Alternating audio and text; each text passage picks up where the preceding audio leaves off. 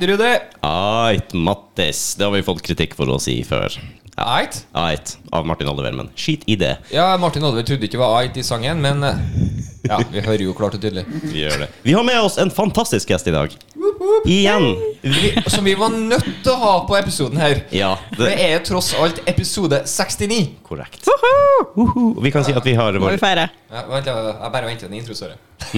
Jeg kan si at vi har vår egen sexolog nå. Vi kaller det for det. Er det greit, eller? Ja, det syns jeg høres veldig bra ut. Ah, det er en nydelig. tittel jeg tar. Du tar den, ja. Jeg syns alle skal ha en egen sexolog i, i gjengen, egentlig. Det er jo uh, veldig greit å ha noen å stille de praktiske spørsmålene til. Ja, det er litt jo egentlig et must. Det er et must å ha en egen sexolog. Ja, det er det. Ja. Så vel, velkommen vår egen sexolog, Tone Hallorsen. Jeg Takk, det takk, litt applaus. takk. takk. Tross alt, tross alt. Veldig koselig. Det er derfor jeg er gjest her. For å en god mottakelse. Ja, ja, Det, ja. det er applausknappen, rett og slett, som jeg gjør det. Ja, absolutt. Hvordan er det i vennegjengen? Er det, er det mye etterspørsel på, på gode råd? Og, eller holder man det unna når man er Ja, Altså, jeg har vært interessert i det faget her siden jeg var 15, Ja. eh, så jeg har vært vennegjengen sexolog i alle tider, tror jeg. Altså har jeg alltid tenkt utafor boksen, så jeg har alltid vært den eh, spesielle. Oh, ja. Jeg har vært den som hadde lekekamerater istedenfor kjærester, og fuckbuddies istedenfor uh, Hva er forskjellen på lekekamerat og fuckbuddy? Ja, det skal du få vite. Ja, ikke skjær. Da er vi i gang. vi er i gang, vi starter. Altså, Lekekamerat det er rett og slett noen som er primært venner. Eh, så vi kan finne på ting sammen, vi kan gå på kino, vi kan gå på byen sammen. Det må ikke være sex involvert. Nei. Men så har man det seksuelle også, sånn at man kan avtale med en lekekamerat på en lørdag at i kveld skal vi hjem sammen. Og så har man en regel da at hvis man finner noen som er spennende, et one night stand eller en fuckbuddy, et eller annet som man kanskje er nødt til å ta den kvelden for å ikke miste muligheten, så må det avtales såpass tidlig på kvelden at den andre også kan finne seg noen andre. Faen, det her var klare regler. Ja, veldig tydelige regler. Ja, Og så er det jo det- det som å ha en kjæreste bare uten alle de romantiske følelsene. For du kan ringe på søndag bare 'Du, jeg trenger en armkrok og litt bacon. Har du?' Ikke sant? og så kan man ta turen og bare ligge i armkroken og steke litt bacon sammen og se en film uten at det trenger å være sex. Fuck Fuckbuddy, det er en som du ringer til klokka tre på natta og sier 'Du, har du lyst til å komme og knulle litt?' Og Det er litt så- Eller det er en booty rett og ja, slett. ja. Så kommer de, og så har man sex, og så drar de igjen. Så det er ingen overnatting, det er ingen eh, Ah. andre ting. Det er kun Og wham bam, tenker og, meg. og hvis det er en overnatting, så får de gjerne på morgenen. Nei, jeg har aldri hatt en fuckbuddy på overnatting. Ah. Noensinne. Ever. Så det kan jeg ikke svare på. Lekekamerater er ingen problem med å overnatte, for da man ha man sånn koselig og kan våkne opp på søndagen og ha litt rolig søndagssex og litt sånn. Mens fuckbuddy, det er bare mens man har sex, okay, og så. Så er det ferdig. Ja, så Og så finner man ikke på noe på fritida. Det er sånn, Ja, Man ses ikke utenom senga, egentlig. Ja, det er veldig, veldig i den båsen der, da. Det, Ja, God seksuell kjemi, men ikke nødvendigvis ellers. Noe sånt. så, så lekekamerater, det kan du egentlig ha gøy eh, med alt, da. eh, Uten å Ja. nødvendigvis være i et forhold. Både, Jo, både med, med, i senga og utafor senga, egentlig. Med klare regler, så det ikke blir noe kjedelig. Ja, ok. Nei, altså vi hadde, vi hadde altså De lekekameratene jeg hadde, var jo veldig mange i samme vennegjeng, så vi var jo liksom en gjeng, og dem hadde sex med venninnene mine. Det var liksom sharing is caring-følelse. Mm. Hippie Og life. ja, litt sånn hippie life. Sånn love is all around. Yeah. ikke sant? Og da, men da hadde vi jo klare avtaler om det med sjalusi, f.eks. At det skulle snakkes om. Det skulle ikke være noe drama. Man må godta at alle sammen har andre sexpartnere. ikke sant? Man må, man må ha en litt sånn Ja, men jeg synes det er bra med klare regler. rundt det. Da slipper du, å tale det med, med brodden med en gang. Ja, og så er det litt det der at eh, så har man reglene da, at uh, man ikke skal være kjæreste. Man har ikke kjærestestatus. Ikke? Man har ikke krav på den tittelen. Og så er alle jevnbyrdige, alle likeverdige. Kvinner og menn, vi er like, like bra. Og så har man det bare gøy. Mm, Det skal jo litt til å, å, å Og det her gjorde vi i. Trondheim. vet du. Bare sirkus var stedet. Og bare tirsdag og søndag, da var det bare å kjøre på.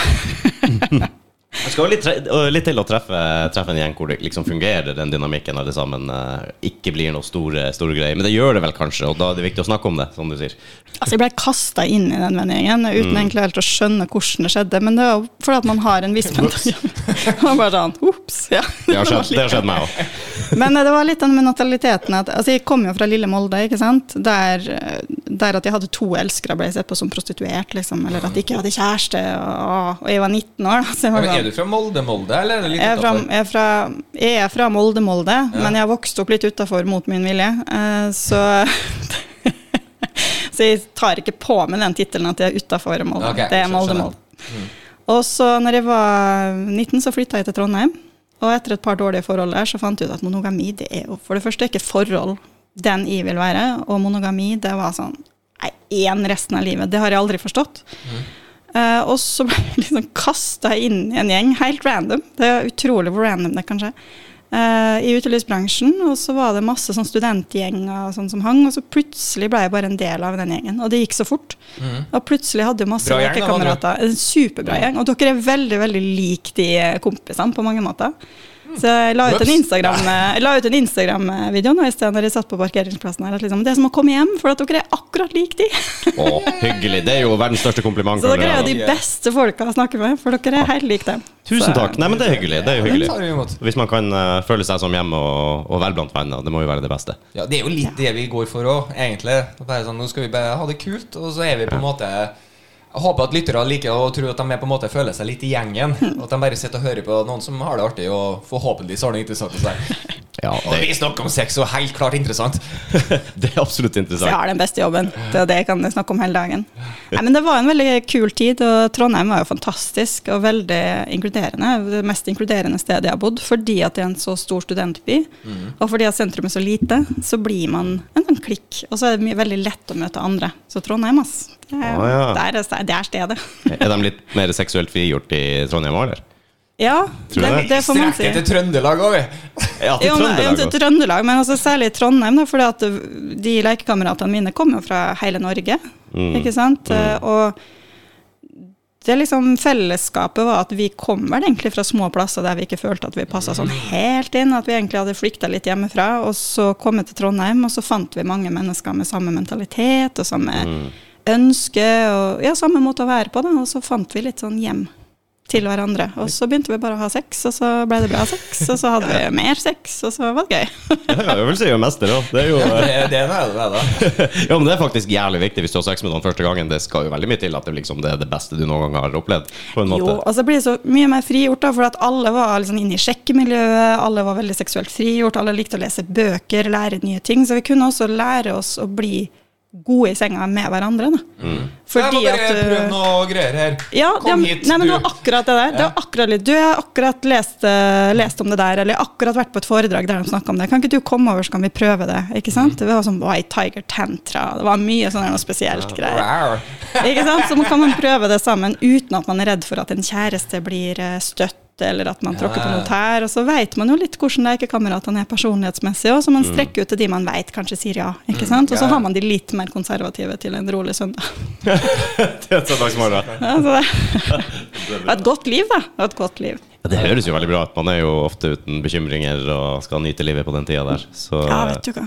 åh, høres bra ut. Jeg tror ikke vi var så seksuelt frigjort i, i den alderen med gjengen jeg vanka med på den tida der. Jeg følte jeg var det. Du var det, ja, men, Ja. men var det sånn at du liksom bare Det var liksom helt åpent i gjengen at man eh, lå litt rundt og Ja, på en måte, egentlig. Men det var um, Hva skal jeg si, da? At man snakka om det alle sammen, liksom, og var helt åpen om det Sånn. Nei, men jeg, jeg, var, jeg er litt heldig stilt, for jeg hadde ikke kvinnfolk som jeg hadde sex med, men som jeg gikk i klassen min, som bare var utrolig åpen. Så du kunne spørre om hva som helst, og det var ikke noe flauhet-greier. Og de sa hva de hadde holdt med og gjort, og hva de absolutt ikke ville gjøre. Og for guds skyld, Mattis, ikke gjøre det der.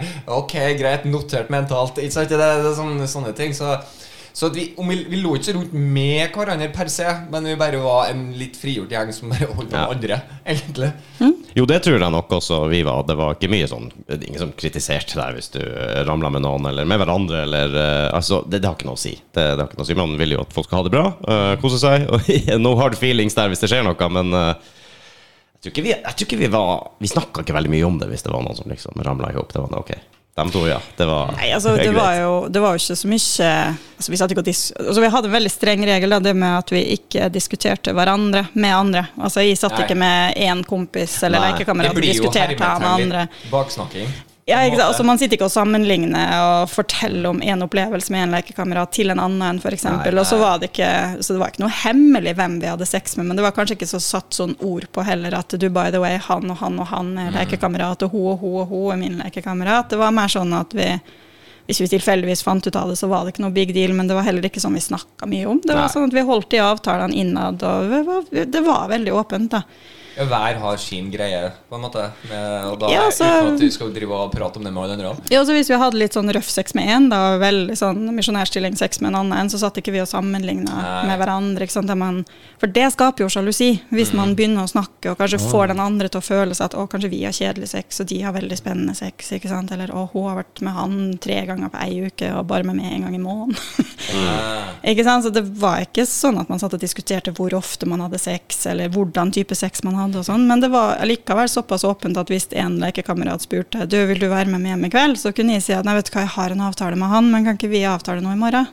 Jeg må jo ærlig innrømme at hvis jeg har vært, uh, vært i den alderen og i Trondheim, så hadde det, det hørtes helt fantastisk ut. ja, men, Det er så nydelig. bare, ja, men jeg, jeg bare hele greia med at vi diskuterer ikke som du sier, og så bare Ok, da er det ut av bildet. Da, da, og så er det bare å ja, Fokusere bare kun på det positive da, rundt det. Ja, det er og, det og det. lærerike, da.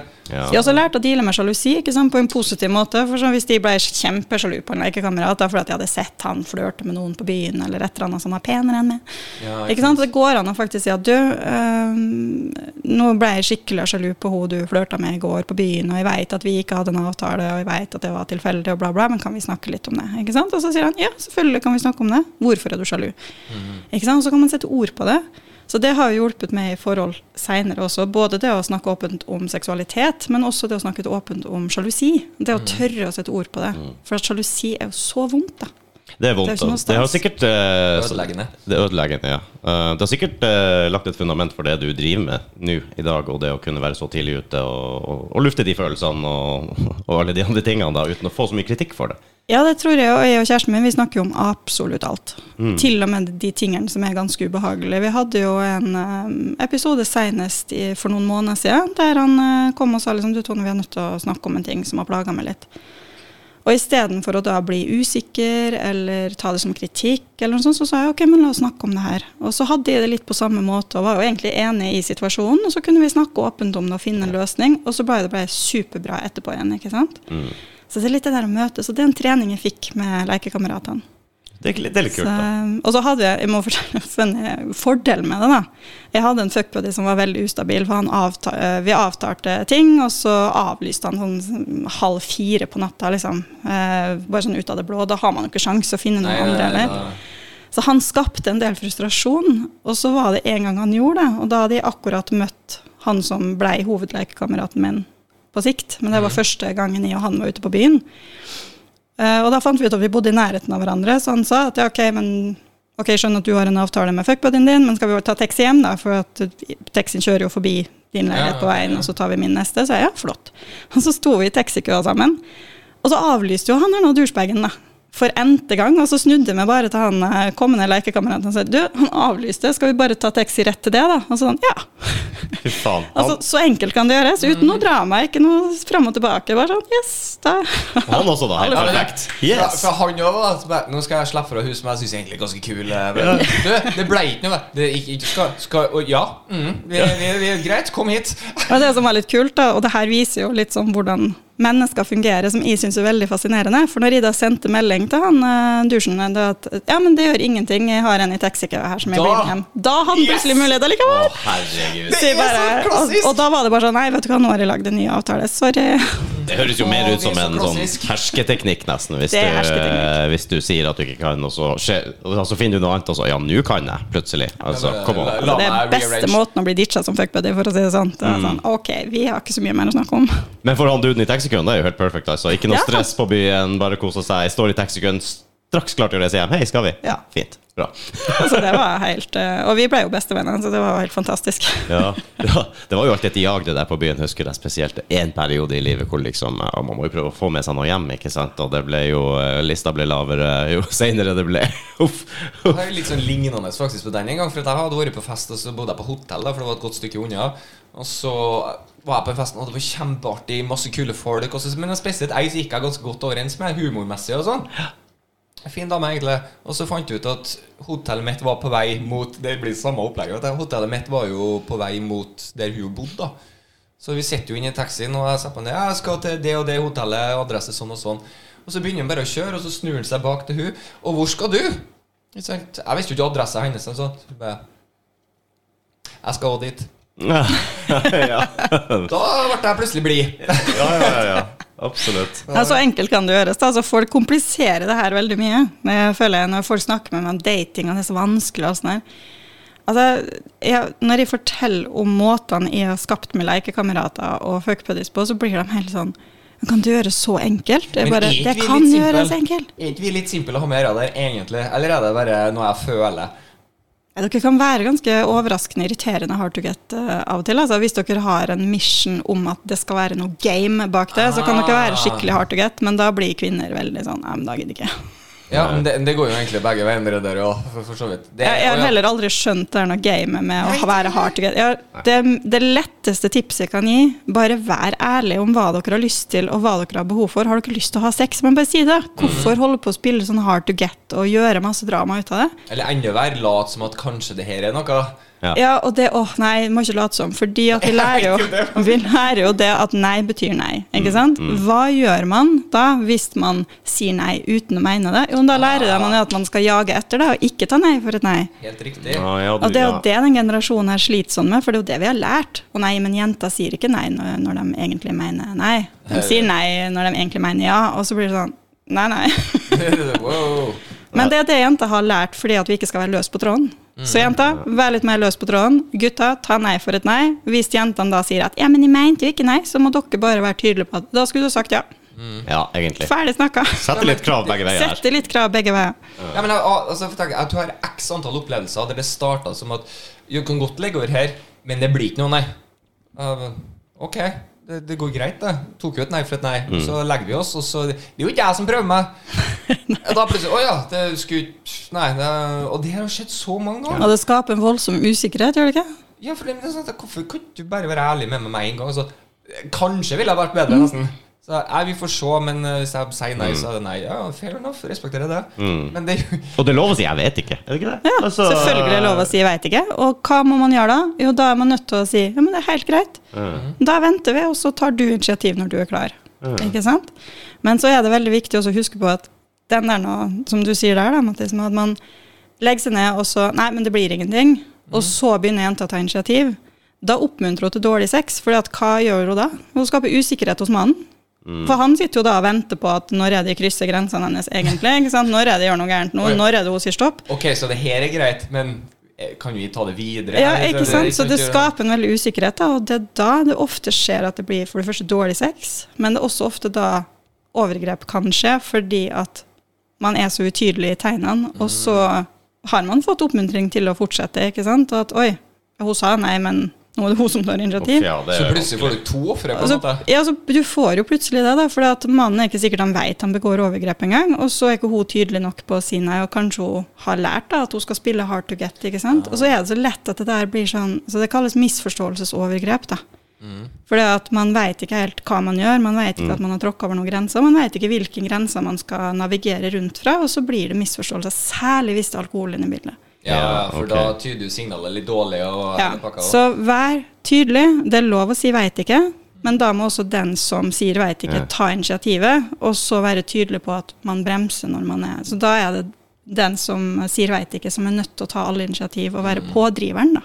Ja, og jeg må ærlig, ærlig talt si det. Jeg har vært i den scenarioet hvor du egentlig får klare og tydelige rammer på hva, hva som kommer til å skje, og hva som ikke kommer til å skje, f.eks. Eller ikke nødvendigvis hva som kommer til å skje, men hva som ikke kommer til å skje. da Og egentlig, eh, fair enough, veldig greit. Da har jeg noe å forholde meg til. Du, du har jo vært i situasjoner hvor du har forventninger og forhåpninger, men du får veldig mixed signals, og du vet ikke Ja. om du skal du, Ok, så ligger man våken der i senga i tre timer. Kanskje det skjer noe?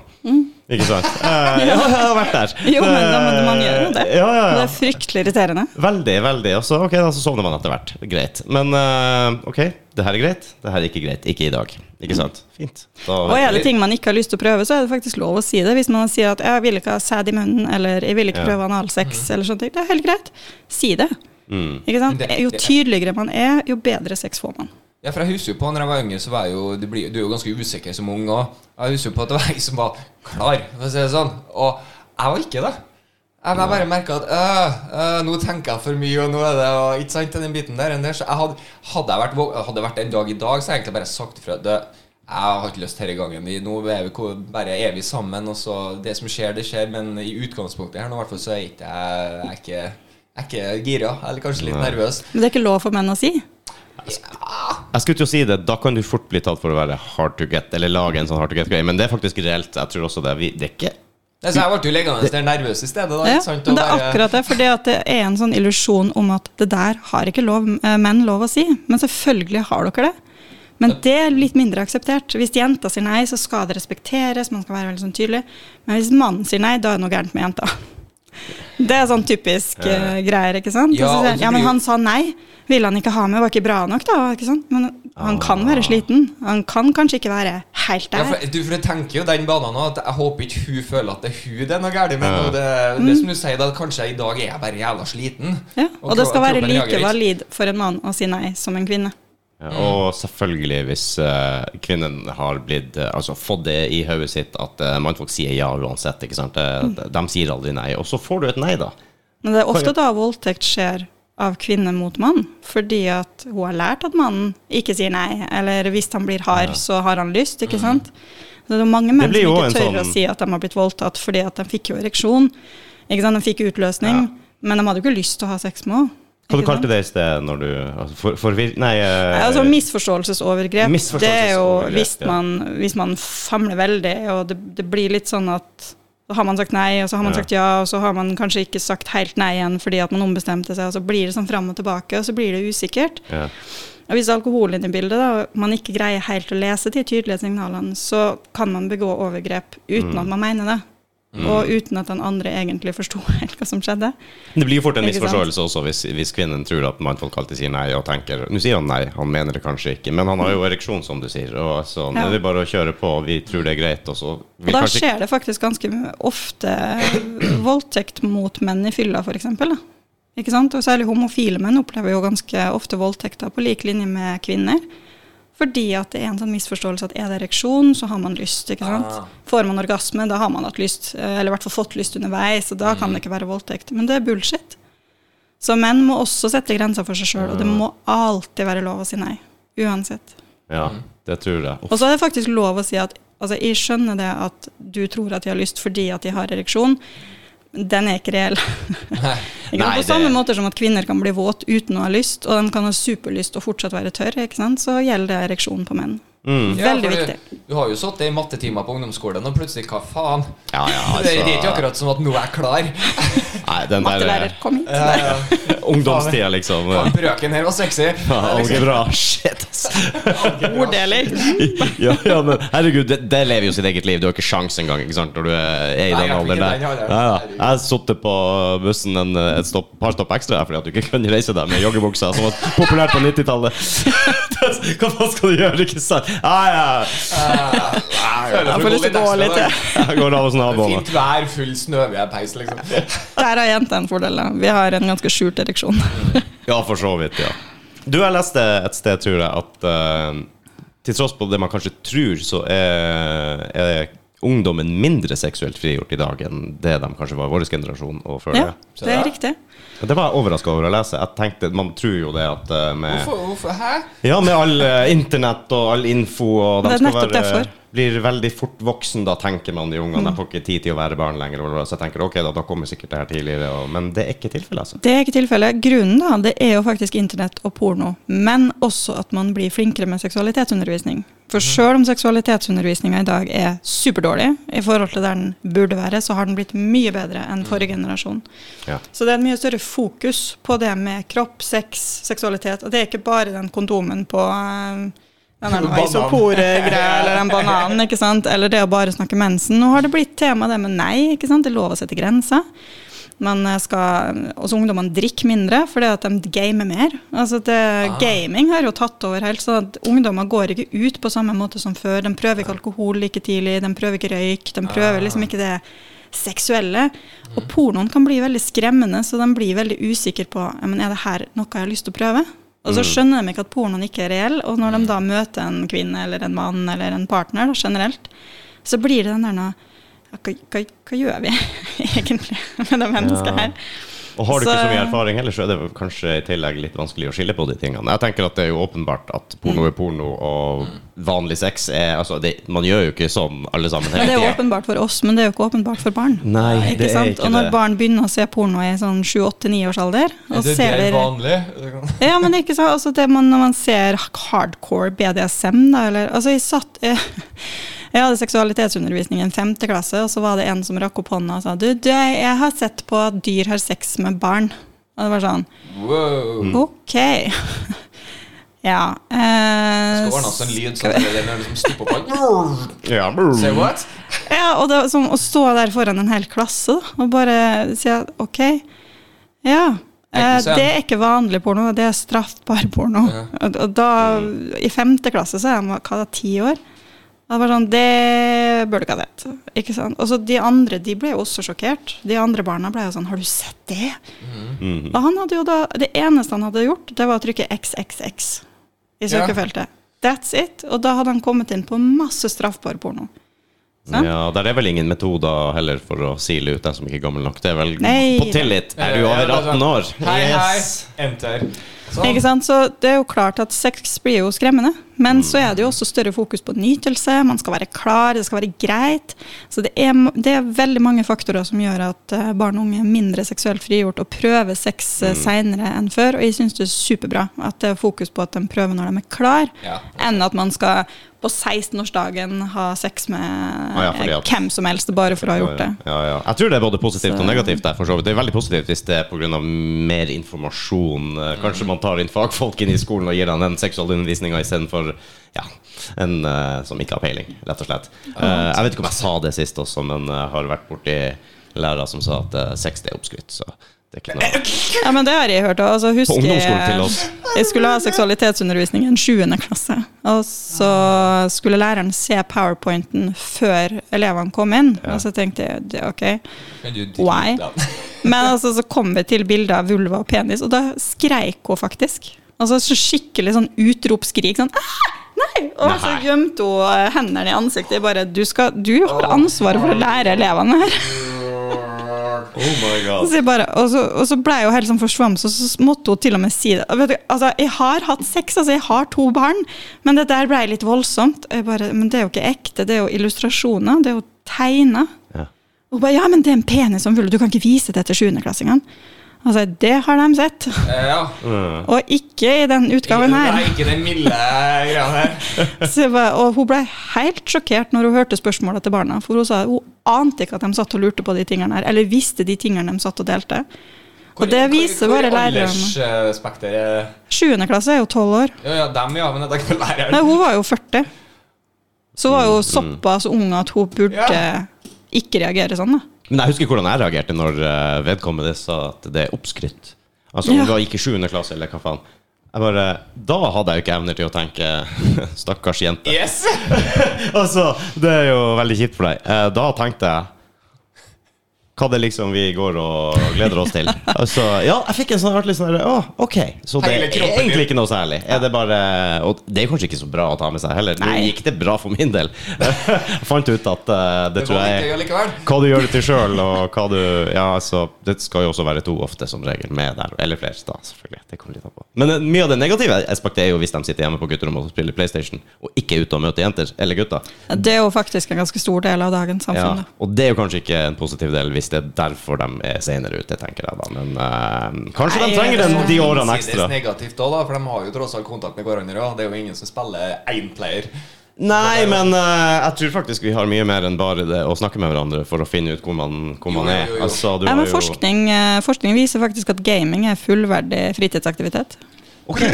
Ja, ja, det er jo sikkert det. det, er jo sikkert det. Men hvor mye klarer du å lese av et annet menneske om det skal er noe seksuell kontakt over uh, en Altså, sønnen min fikk seg kjæreste over nett. Han har aldri møtt henne før.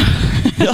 ja, altså, det meste skjer jo over nett uansett. Det ble slutt etter to uker, da, men uh, allikevel. Ja, Så det, så det er litt sånn der at um, Jeg tenkte at ungdommene de finner sin egen vei, sånn som ting har blitt nå. For at ting har gått innmari fort. Ja. Altså, Mm. Jeg, er født, jeg er født i 86, og ting har jo bare tatt helt av. Det er litt av. kult, for vi var med. Vi var pre-internett. Ja, vi fikk med oss akkurat det, altså. Vi gjorde det. Ja, vi det- gjorde det. Ja, jeg husker jo hva vi måtte gjøre for å få se en pupp. Det var jo Det var jo alltid i skogen eller på Så lå det sånne pornoblader. Det, det er rart, det. alle bygder har et sted hvor noen dumper pornoblader. 100% Ja, og ungene vet jo hvor de finner det, så det var jo eh, liksom eh, lørdags, Lørdagen det var for oss det var å hoppe på sykkelen, stikke og plukke pant på vei til butikken, og så stakk vi opp skogen der, for der vet vi at det ligger en, sikkert noen ferske blader. Det var ingen som torde å ha det hjemme i skuffa. Ikke Nei, sant? nei, det Gubben skal måtte man- Det går så langt at eh, liksom Jeg vet hvor pappaen din gjemmer pornoen sin. ja, ja, ja, ja. Og uh, vi hadde en stor eske som gikk på rundgang. Vi hadde den eska som gikk på rundgang i generasjoner. Altså et, Ja, det må ha vært tre sånne avleveringer som jeg vet om bare av den samme kassa, liksom. Eh, Det er jo fantastisk. Noen som gikk ut av ungdomsskolen når jeg gikk på barneskolen, som har Ja. levert den til dem som begynte på ungdomsskolen, så har jeg fått Og den. så, og så kom internett. Ja, ja, ja. Jeg, var Jo, men det er faktisk sant. Jeg var nødt til å ha pornoen oppbevart hjemme hos meg på mitt rom til eh, alle mine guttevenner. Fordi at eh, det var ikke sjans at mutter'n trodde at jeg hadde porno. ikke sant? Det var, hadde TV 1000 og VHS-opptaker. ja, det var, det, TV 1000 jeg ja. lærte- timer på. Lærte fort hvordan vi skulle fjerne den sladden ved å switche fram og tilbake på Kanal Pluss Eller- Gules. ja, eller svensk tekst, hvis du kunne legge til det. Så kunne du Eller få Å, Å, det lærte jeg aldri! Jeg Gjorde du ikke det? Nei, jeg switcha fram og tilbake. Nei, nei, hvis du, hvis du tok uh, underteksten og alt det der over til dansk Ja, var det dansk, kanskje? Ja, for eksempel. Da forsvant jo den der, for da er det danske regler plutselig. Life changing! Og, ja, Det skulle jeg visst når jeg var åtte år og satt på Kanal Pluss Gul og switcha fram og tilbake for å se Det var både lærerikt på flere Det var lærerikt på flere måter, egentlig. Det, for jeg husker på moské. Hva faen betyr det? Det var jo tross alt tekster. Så. What? Moské, ja. Moské? Ja, Må, kan og det der. Ja. What? Men det er supermorsomt hvordan barn tenker. Da. For jeg husker jeg og søskenbarnet, eller ste- eks-ste-søskenbarnet mitt eh, vi, Han var jo et år yngre. Og når jeg var barnevakt til mine små søsken, så kom han ofte over, og så satt vi på Kanal Pluss-skole og switcha. Og så satt vi og kommenterte liksom, at hun må ta et glass p-piller om dagen for ikke å bli gravid. Og. Altså, barn er så uskyldige i tankemåten Det sin. Det, sånn, det, blir jo litt sånn småsøtt, da. ikke sant? Ja. At man aner jo ikke hva man de, driver med. de skjønner litt, men på langt nær alt. Så altså, Vi skjønte jo at de hadde sex og kunne da bli gravid, men vi hadde tydeligvis ikke skjønt det med p-piller og hvordan det fungerer. Da. Men jeg Så- skjønner tankegangen. Masse sex, da må du ta mye av dere der, da. tydeligvis. Nemlig. Ja, for, altså, tanken vår var jo at p-piller er, er lik kondom. Ikke sant? Altså, det mm. samme nivå som kondom. Du bruker en for hver gang du har sex. Ikke sant? Ja, Så det var et glass p-piller om dagen. Og så et glass. for Vi Ja, skjønte men- at det kom i brett. ikke sant? Det er fantastisk søtt å tenke tilbake på, samtidig som at jeg tenker at vi så jo også porno. Sant? Men det var jo en annen porno enn det var i dag. Ja, det var mye tyske, tyske flotte mye eh, ja. Lite tysk til meg, veldig mye fransk. Fransk, ja. Yes, for Blue hadde jo veldig ofte fransk. Å, det tror jeg ikke jeg hadde tilgang på. Uh, nei. Det ble Ja, det er fransk. Men jeg husker jo når LimeWire og all den nedlastningsgreia Ja, kom. Altså det å laste ned, for det, det var jo ja, Bearshare. Hva, hva du sa at Bearshare. Ja, Bearshare. Ja, det kjenner ikke jeg til. Men det er jo Men det var sånn fantastisk, for titlene de matcha jo ikke det man lasta ned. Så det, Nei, nei, nei, nei. så det var der jeg opplevde ganske grov porno plutselig. Da. Der så vi annet noen som ble kvært, ikke sant, og en ble skutt i hodet eller noe. Det var ganske alvorlig. Oh da. my god. Jo, men altså, du, dem, altså titlene matcha overhodet ikke det du så. Så du, når du lasta ned noe, så kunne det komme hva som helst. Og det var da jeg ble litt introdusert til den farlige pornoen, og den grove pornoen, og den, Ikke stra- den eh, ikke ikke, porno. ikke, ikke lovlige pornoen, for å si det sånn. Og så kom det jo strenge pornoregler etter hvert. Nå er det f.eks. ikke lov med rape og voldtekt og sånne type kodeord. Så søker du rape på pornosida, så kommer det ikke opp noe okay, på, på de som følger reglene. Ikke sant? Men det er jo nytt. Det er jo bare noen år gammelt. Så de har jo Ja. holdt på ganske mange år og kunne google fritt. Så, men det her har vært i spill i mange år. Og det er vel en, kanskje en fetisj for enkelte òg, det, men jeg, sy jeg, jeg syns det er greit at man liksom kan fjerne det ordet på en måte fra, fra, fra Trenger ikke oppsøke det, på en måte. Nei, selv om det er jo Har man en kink eller fetisj på det, så finnes det plasser man kan få utlevd det. Altså. Ja, jeg tror det. Flaks er for at du har lasta ned en eller annen film som viste seg var pornoversjon eh, av den samme filmen som jeg egentlig trodde jeg leste ned. Altså, Så jeg- jeg- sincerely, jeg- det ja, ja, var så jeg skulle se Star Wars, og jeg bare ah, kult! Star Horse, eller? Ja, det var noe i den Ja. De er jo utrolig på ordspill gjengen. Sant? Men det sto ikke det i greiene der. Og jeg bare trykker play, og så bare var det jo faktisk veldig bra laga. Så i starten her så bare Hæ? Ikke helt Og så plutselig så bare Bom chicka wow wow. For å si det sånn. Jeg bare Ok. Leia, da. Ja, jeg bare Det her, det her Ja. Spennende. Spennende! var ikke så lei meg likevel. Nei, det var jo minst like artig å lese titlene på de her eh, Ja, det filmene. helt- Ja, de er jo helt nydelige. Jeg jobba jo i Ah. sexleketøysbutikk for tolv år siden, og da var det jo en egen videoseksjon der fortsatt, og den var jo ganske stor. Det var en av Oslos største. De titlene der. Altså, jeg kunne, ja, åh, jeg kunne gå og underholde meg sjøl i timevis bare på å lese titlene, for det var så mye genialt. Good, goodwill humping. Ja, nemlig. Jeg er veldig glad i ordspill, så det var jo tip, top notch. For Ja, samme her. Shaving det- Ryans Privates. Det er jo fantastisk bra. Ja, de har jo skikkelig kreativitet. Jeg så en det, sånn det eh, blir jo ikke bedre enn det. Altså, det er jo det gode, gammeldags porno med de skikkelig skikkelig gode titlene. ja, På Mix-kiosken på Stovner-senteret så leide de ut eh, veldig bra porno. Altså sånn high quality, Ah. godt, godt produsert og regissert. Ja, sånne. Ja, Pirates. De hadde flere av de Pirates-greiene, og det var jo liksom sånn at til og med meg Men de var jo dyre å produsere. Ja, det var de sikkert. Altså, de var jo Dyrest de som produserte ever, da, mener jeg. Ja, den, og så en som eh, Det var en som eh, var sånn her noe Framtidsgreier. Ei venninne av meg spilte i den, faktisk. Det var en av de dyreste ever å lage. Og eh, Pirates og de som lagde de innspillingene her, det var kjempedyre filmer. Ja, ja, ja. Og det, men det hjelper faktisk å ha litt innhold og litt sånn der eh, Altså, jeg tror ikke, det er ikke bare det vi lite søker. Et lite øyeblikk inni Pirates der, Ja. så glemte jeg at det var pornofilm. Ja, ja, men ikke sant, det hjelper. Det var jo eh, De sånn to minuttene som Jeg To minutter igjen, bare Wow, det her er bra! Ja, nå, vi, vi sto og så på cover, liksom, meg og fruen bare Kanskje, kanskje vi skal leie den her? Ikke sant? For det, vi vet jo hva det er, men faen, det ser bra ut. Det er liksom eh, litt annerledes. Bare rett inn og ut og klar, ferdig, gå. Kompisene meg kom på vorspiel med DVD-settet på Pirates. Det var behind the scenes, DVD, og det var Ja. DVD-tida. ikke sant? Så ja. ja, så Sett på den på vorspiel, eller? Uh, litt weird, men ok. Ja, vi hadde også en weird greie med Shout-out til Henrik Johnsen. Jeg delte leilighet med en eh, kar på Fjellhamar, og så var vi en hel gjeng da som pleide å reise ut i Oslo i lag. Og da vi, tok vi taxi til, til eh, Var det Skjell som lå der, da? Rett ved Ropsrud. Ropsrud Burger var det Statoil. Statoil. Jeg er litt usikker, det stemmer det. Men uh, de hadde også en sånn uh, utleieautomat på burgersjappa der. Utafor burgersjappa. Ropsrud Burger. Ja, ja, hvor du kunne putte på penger og få DVD-er, blant annet pornofilmer. Og eh, hver gang vi stoppa, nattmat på benseren og så, Av en eller annen grunn, vi var fire mannfolk. Fem mannfolk. Skulle bare hjem og drikke. Ja, vi tar liksom og kjøper en sånn greie der, da. De sier at det alltid var jeg som skulle kjøpe. Det kan godt hende. Men eh, kom inn, slengte den på, jekka en pils, fire karer bare. Ja, det her var jo rart. Ja, nei, vi skulle av igjen, ass. Det var ikke noe særlig. Men vi vet da, vi, når vi drev og så Pirates og greier, så så vi jo behind the scenes-greiene sånn. Vi var jo fascinert på en måte. Bare Herregud, det er jo bare dring-lyd, og så er han jo klar. Og vi satt der bare Jeg får ikke til det her. Gjør du? Nei, på ingen måte. Det, det, det. Så vi satt der og bare var fast, Og så ringer det på døra, og lyden er kjempelik. Ja, Hva skjedde da? Start action-lyden. Mm. Nå er vi ferdig med pausen-greia fra den greia der. Så vi, det ble ikke sånn internspøk etter hvert. At når vi hørte noe bare sånn ligna den lyden, så bare snur vi oss mot hverandre. Eh, nå, eller? Alle får banneren. Boing! Åh. Jeg har sett en, eh, jeg har sett en del podkaster nå opp igjennom hvor eh, det er menn i 40-50-årene som sitter og prater om det. Vet du hva? Etter at de kutta ned eller slutta å se porno, så ble sexlivet og, med kjerringa så mye bedre. Og, eh, altså, og oftere, og, eh, og alt mulig sånt. Det var bare fordeler, positive ting. Men Men ikke både og. hva du mener At det er faktisk noen som trenger å se litt porno. det. Jo, jeg tror Hvis også du det. trenger å se porno, da er det andre ting du må jobbe med. Ja. Det kan godt hende, ja.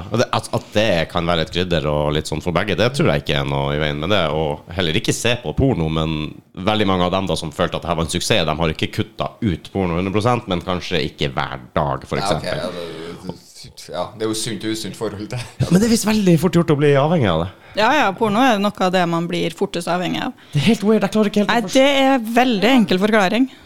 Ja, Belønningssenter. Det er rett og slett belønningssenter. det er jo som regel det med avhengighet. Altså Sånn er det jo med alkohol, ikke sant? det er med narkotika. Det trigger belønningssenteret i hjernen vår. Det tar bort det som er negativt. Når man sitter og ser porno altså Dere kan jo prøve å gå inn på Pornhub, da. Bare for å sitte og søke der. Se hvor fort klokka går. Det er litt som TikTok. Mm. Ja, det er veldig sånn eh, Å ja, ja. Jeg tenkte ikke på det engang. Ja. Der er den. La oss du en tur på internettet. Og så søker dere opp litt på Pornhub.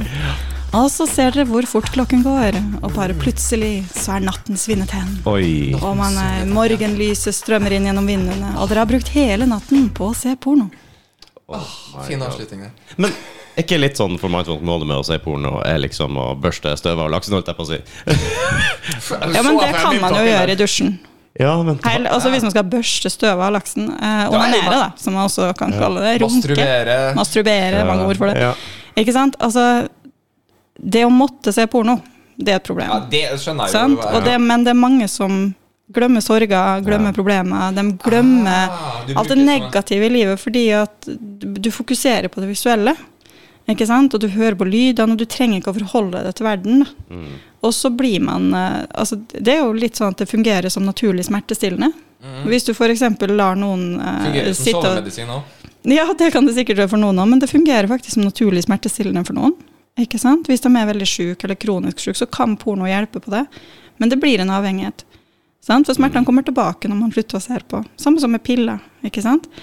Og når man er i et forhold, da, og man begynner å kjede seg, ting begynner å bli slitsomt, man er, har kanskje den samme sexen gang etter gang etter gang, år etter år, så blir det sjeldnere og sjeldnere, barna kommer til, det blir enda sjeldnere sex.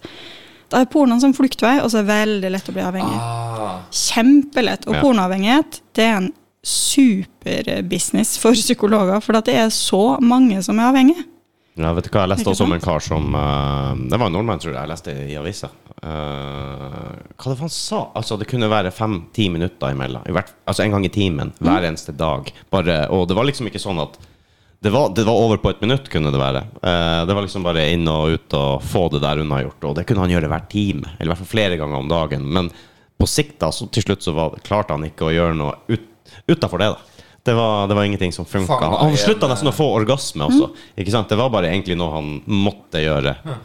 Ja, så er det jo det at uh, algoritmen på porno, den er jo litt sånn at når du ser på en film, så kommer det opp forslag under som er litt grovere. Og så trykker du på en av den, og så bytter det til litt grovere. Og så trykker du på en av de, og så blir det litt grovere. Og det vi ser på menn, særlig menn da, som blir pornoavhengige, det er at det blir grovere og grovere, og de tenner mindre og mindre på partneren sin, fordi at hun gjør jo ikke det samme som de på porno gjør. nei. Ikke sant? Og så er hun kanskje litt sånn i 40-åra, da. ikke sant? 50-åra, mens de på film, de er 20, Så frem- 25 Så frem til ikke er MILFs. Og det er jo jævlig dumt. Milfs er jo man fra man er 30, faktisk. Jeg har, jeg har, jeg har en venninne som er pornostjerne i USA, og hun eh, var helt fortvilt for noen år siden. For hun bare Ja, nå har jeg vært 18 fram til nå. Nå er jeg 32, nå er jeg blitt MILF. Og hun bare Det er ingenting imellom. Så hun bare Jeg er 32 år, og så er jeg allerede MILF. Liksom. Jeg har vært 18 fram til nå. Så hun var helt sånn Nei, nå gidder jeg ikke mer. Ja, Selv om det kun er positivt, så uh. Så, men, men det er veldig sånn der, og, og den pornoavhengigheten er så altoppspisende, skulle jeg si. Altså, de, de mister partneren sin, de Mm. mister nærhet til partneren. De, de mister tenninga, rett og slett, for at de trenger det grove, alvorlige for å bli tent. Og det er en reell problemstilling. Jeg har hatt Går det an å flere bygge det ned igjen, på en måte? Sånn at du ja, faktisk altså det, jeg har hatt flere i, i terapi hos meg som har vært pornoavhengig. En del av jobben som sexolog. Jeg får sånne morsomme cases. Uh, og det er jo rett og slett å stenge av porno cold-hearted. Altså du må bare slutte med det. Cold turkey. Cold turkey, ikke sant? Og det er minimum 30 dager uten å se porno i det hele tatt. For det tar hjernen 30 dager å stille som. Jeg skjønner at jeg ikke er avhengig her nå, med tanke på at det har gått 30 dager uten porno for meg. Det, det har ikke vært noe stress. Men det er fint, ja. så stress for de det gjelder. Og så er det litt med drikking, så må man jo gjerne trappe litt ned, eller man må Ja, ja. få substitutanser. ikke sant? Samme Abstinens og alt med. Men du får det med porno, bare ikke på samme måte, så der kan du gå litt hardere til verks. Og hvis du bare ser fem minutter om dagen, da, så er du tilbake igjen, fordi at hjernen Ah. greier ikke å stoppe det. det blir litt som uh, mye annen avhengighet, egentlig. Altså, det Ja, ja. fungerer litt likt. Du skal helst ikke ta deg en tur på puben når du har vært på vannvogna et halvt år. Altså, Tar du en øl da, så kan du ryke. Det, det tror jeg. Men det der med det visuelle og avhengighet og sånn, det kan du jo se bare å sitte på Insta-reels. Uh, hvor lett vi blir dratt inn i det der visuelle, og hvor fort tida går. Også. hvis du da krydrer det med litt sex og litt uh, sånne ting som kanskje stimulerer deg på andre måter, Mm. altså, så uh, der var vi. Jopp. Det, det går veldig fort. Vi vet kanskje ikke hvor utfordrende det kan være å, å, å være ung og Eller å være og ha internett, full tilgang på alt hele tida. Og så er vi jo litt sånn at vi Kan vi, så gjør vi. Altså, Ja, er, det tilgjengelig, har vi lyst, vi gjør det. Altså, OK, jeg har ti minutter. Why not? Og så er det ikke så farlig. ikke sant? Ti minutter her, ti minutter der, en halvtime der, så blir det en time, så blir det et par timer, så blir det tre timer. Ja. Så sykemelder man fra jobb kanskje et par dager. Ja. Det går veldig fort. Og Ja, det er mest menn som er pornoavhengige, fordi at uh, ofte så ser vi det at menn er veldig visuelle. Det ser vi også når menn skal sjekke på byen og sånn. De går gjerne etter utseende, mens kvinner er litt mer på personlighet og litt sånn på kjemi og alt det der. Så kvinner de leser jo mest erotisk litteratur. Og så på pornosida eksempel, så har du en egen seksjon med litteratur. Den er det ofte kvinner som bruker, og så er det menn som ser på videoene. Ja. Det er litt det generelle. Mm. Ikke sant? Og det er fordi at menn ikke greier det visuelle i hodet sitt ofte, fordi at de er vant til at det skal skje fort og gære. Mens kvinner som da har en tenning som stiger saktere. Ikke sant? Du Det må tar, bearbeide det tar hjernen, på en måte. ja, hjernen må bearbeides. Man må ha med kroppen, og ting tar litt lengre Mm. tid. Så liker man den er noe saktegående med litteratur. Så det er faktisk en del av behandlinga for de som er pornoavhengige og trenger en type stimuli. Lese erotiske Les. noveller. Ja, vet du hva, det sak, Få sakka ned hjernen din litt. For jeg har, jeg har også hørt at du kan slite med rett og slett fantasien hvis du får den stimulien med porno hele tida. Mm. tiden. Og vet du hva, når vi var på hytta ikke sant, og hadde 24 utgaver av Vi menn liggende, det var jo alltid rett på bakerste side eh, erotiske noveller. det, det, det, sto det bestandig masse Men det er sånne så midtsidegreie-pike der òg brukte å være vi menn. Jo, det tror jeg. Det var jo Det sånn tror utfold. Ja. Det var jo de første på sånn utfolderpike. Ja. Og det var jo ofte bare illustrasjoner. Altså én illustrasjon Mm. kanskje ved siden av, men det ga oss jo bare Det, det funka, det. Men kanskje hvis du aldri leser det, du bare har tilgang på direkte. Altså the real shit. Trenger Det er jo mange menn som har sagt det at ah, men det er så kjedelig å lese noveller, det går så sakte. Yeah, that's the point. Ja, det Akkurat det vi skal fram til That's her. why! Ikke sant? Altså derfor, og så er det litt det med kvinner også at hver gang de leser den novellen, så kan de endre utseendet på de som er med. Ikke sant? Og så kan de gå inn i at dem er en av personene i novellen. Ikke sant? Det er vanskeligere når du har det visuelt, med ei som står der og skriker, og puppene går litt sånn i sirkler. og Mannen, Du får sånn nærbilde på penis i anal, ikke sant? Eh, så hardt at det knapt går. Så får du ikke brukt hjernen din til å fantasere. Kunne det vært med?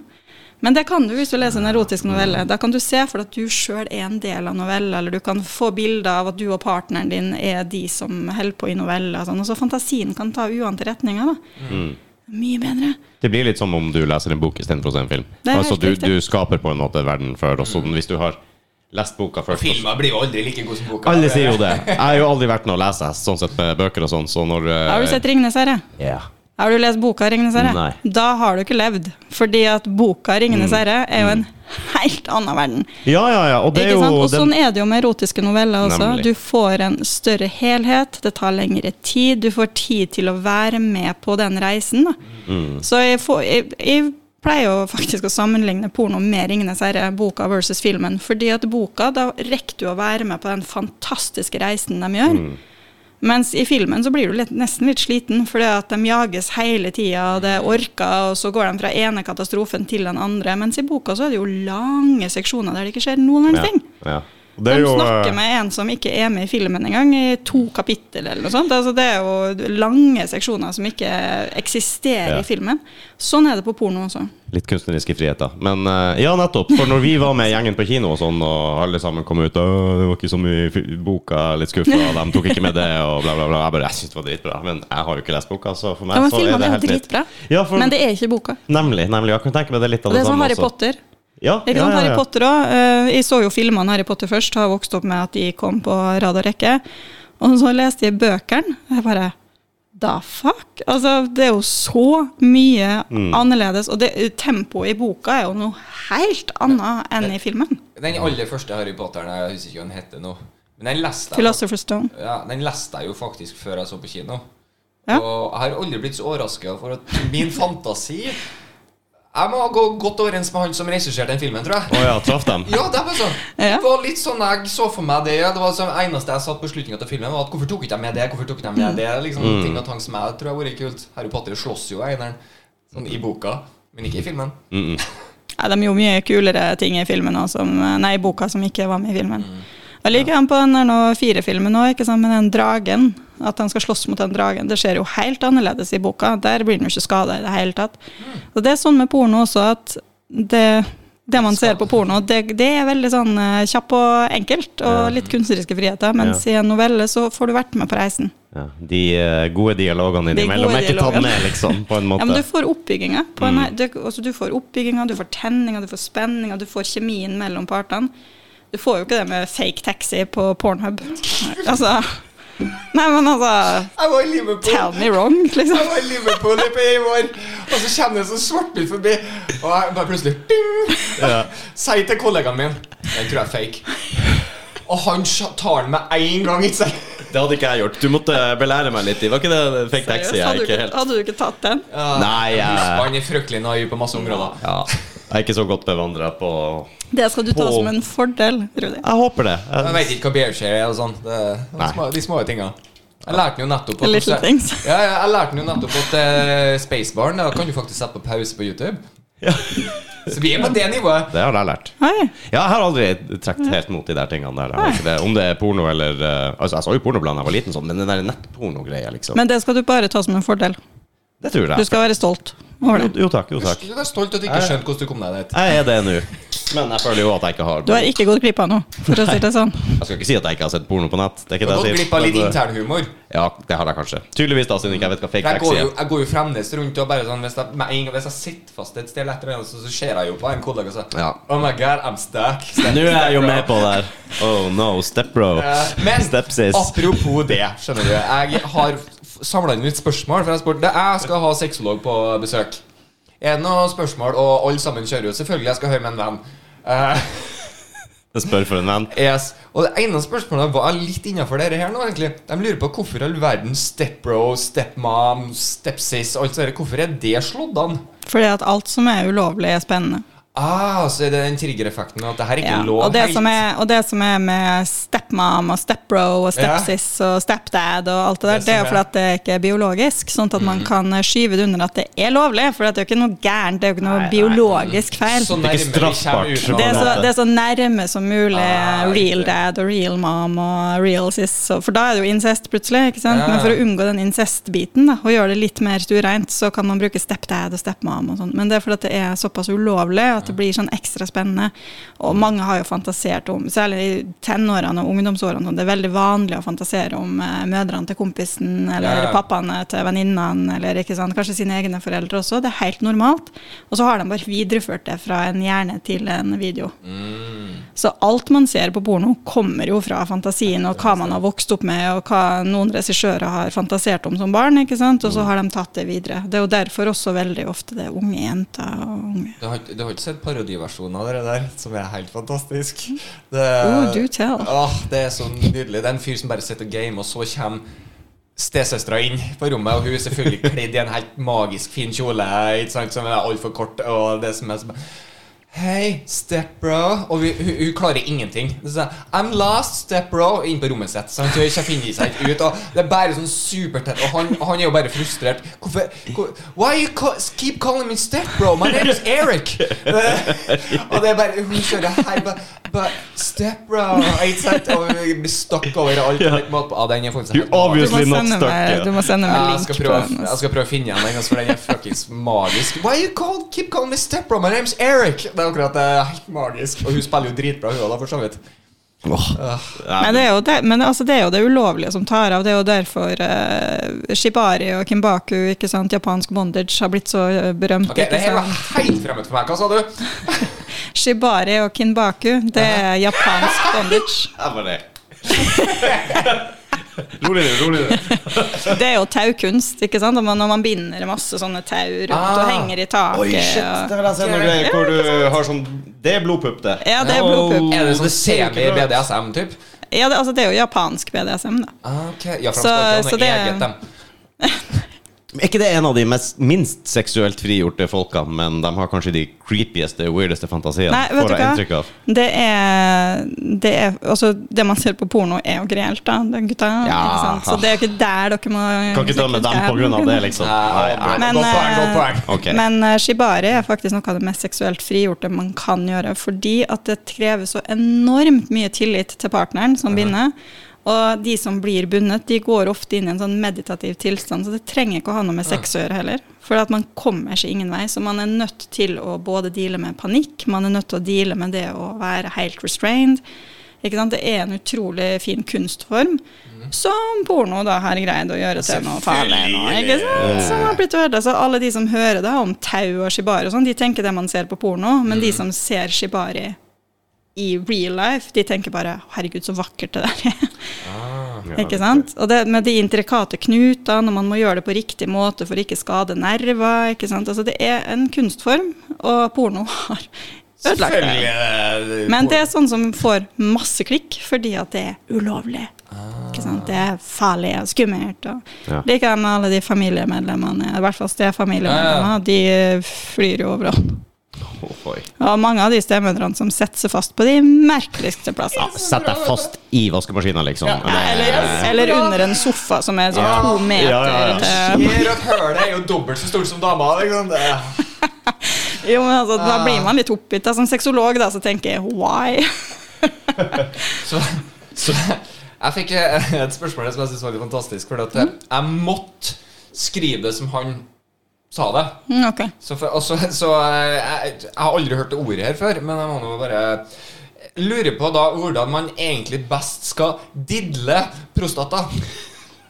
Og jeg, altså, jeg føler at det er litt åpen for tolkning, men jeg tror vi er didle prostata. Det er sånn Det, det, er, det er i hvert fall ikke en fagterm. Nei, det føler jeg meg, jeg føler meg trygg på deg òg, gitt. Jeg tror, jeg tror ikke jeg skal stå og holde et foredrag om det. Nå skal jeg fortelle hvordan dere skal didle prostata. Kanskje det blir et faguttrykk? Jeg tror vi gjør det til et faguttrykk, for det var utrolig kult. da. Eh, Men man kan didle prostata på veldig mange måter. Jeg tolker det som at det er å stimulere prostata. Det er min tolkning, og I'm sticking to it.